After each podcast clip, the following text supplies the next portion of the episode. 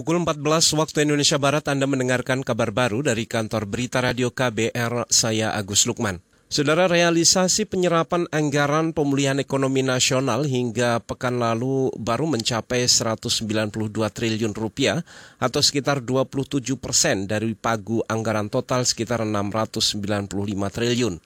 Meski baru 27 persen, Kementerian Keuangan menganggap angka itu cukup menggembirakan. Hal ini disampaikan Kepala Pusat Kebijakan Sektor Keuangan di Badan Kebijakan Fiskal Kementerian Keuangan Adi Budiarso saat dengar rapat dengan pendapat rapat dengar pendapat dengan Komisi 6 DPR hari ini.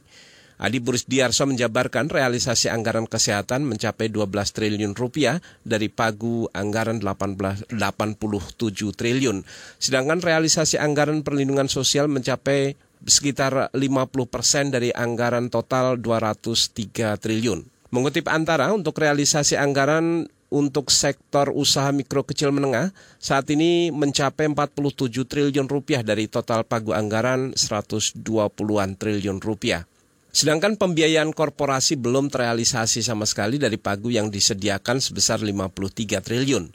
Adi Budiarso mengatakan saat ini Kementerian Keuangan masih terus mendorong untuk mempercepat realisasi anggaran pemulihan ekonomi, di antaranya dengan memperpanjang berbagai program hingga Desember mendatang, kemudian mempercepat proses birokrasi, dan mendesain ulang program agar lebih efektif.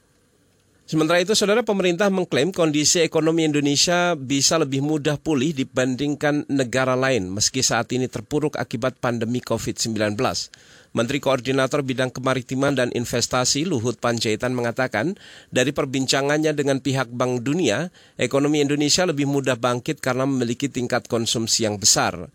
Luhut mengatakan, Bank Indonesia juga mengapresiasi berbagai program pemerintah saat ini dalam upaya pemulihan ekonomi. Ini bisa menjadi bekal bagi pemerintah untuk menekan agar pertumbuhan ekonomi di kuartal ketiga tahun ini tidak terlalu jauh terpuruk di bawah 0 persen kita berjuang sekuat-kuatnya sehingga bisa nanti uh, kuartal tiga ini mungkin dekat dengan nol atau mungkin uh, minus 0, sekian. Tetapi kalau itu pun terjadi, itu bukan akhir dari segala-galanya. Tadi malam diskusi dengan World Bank, mereka mengapresiasi program-program yang kita lakukan ini. Sepanjang kita tadi masih bekerja dengan seperti ini, trajectory apa yang kita lakukan itu sudah benar. Disiplin kita sudah benar. Itu tadi Menteri Koordinator Bidang Kemaritiman dan Investasi Luhut Panjaitan.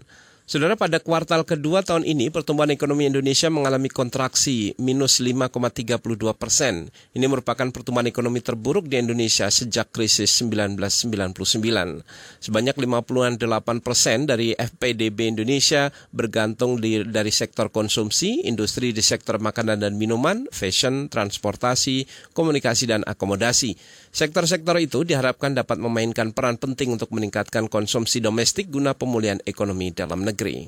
Kita beralih ke informasi olahraga, saudara operator kompetisi sepak bola La Liga Spanyol menyatakan klausul kontrak Lionel Messi dengan Barcelona senilai 700 juta euro masih berlaku. Dengan begitu, klub yang berminat memboyong Messi harus membayar 700 juta euro atau sekitar 12 triliun rupiah. Sebelumnya pekan lalu Messi mengirim surat kepada Barcelona yang menyatakan keinginannya untuk hengkang. Messi bersikeras klausul yang membolehkannya hengkang dari Barcelona dengan status bebas transfer masih berlaku.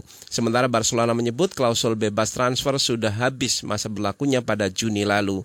Sementara sejumlah media di Eropa memberitakan Messi kini dikabarkan dekat dengan klub raksasa di Inggris Manchester City. Ini tidak lepas dari keberadaan Pep Guardiola yang pernah melatih Messi di Barcelona di tahun 2008 hingga 2012 media sport memberitakan City siap mengontrak Lionel Messi selama lima tahun. Selain Manchester City, klub Prancis PSG juga tertarik untuk memboyong Lionel Messi. Demikian kabar baru dari KBR, saya Agus Lukman.